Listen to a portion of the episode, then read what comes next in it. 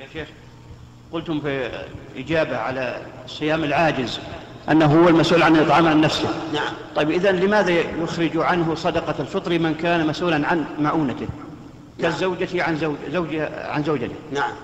أولا بارك الله فيك أن هذه ليست بإجماع. فإن كثيرا من العلماء ومنهم الشوكاني رحمه الله يقول إن كل إنسان مخاطب عن فطرته. فالزوج لازمه فطرة زوجته ولا فطرة ابنه ولا بقية عائلته. ومنهم من يقول إن هذا مستثنى لأن الصحابة كانوا يخرجون عن أنفسهم عن من يمونون. فيكون هذا مستثنى ولأن هذا أقرب ما يكون إلى النفقة التي يقوم بها عائل البيت.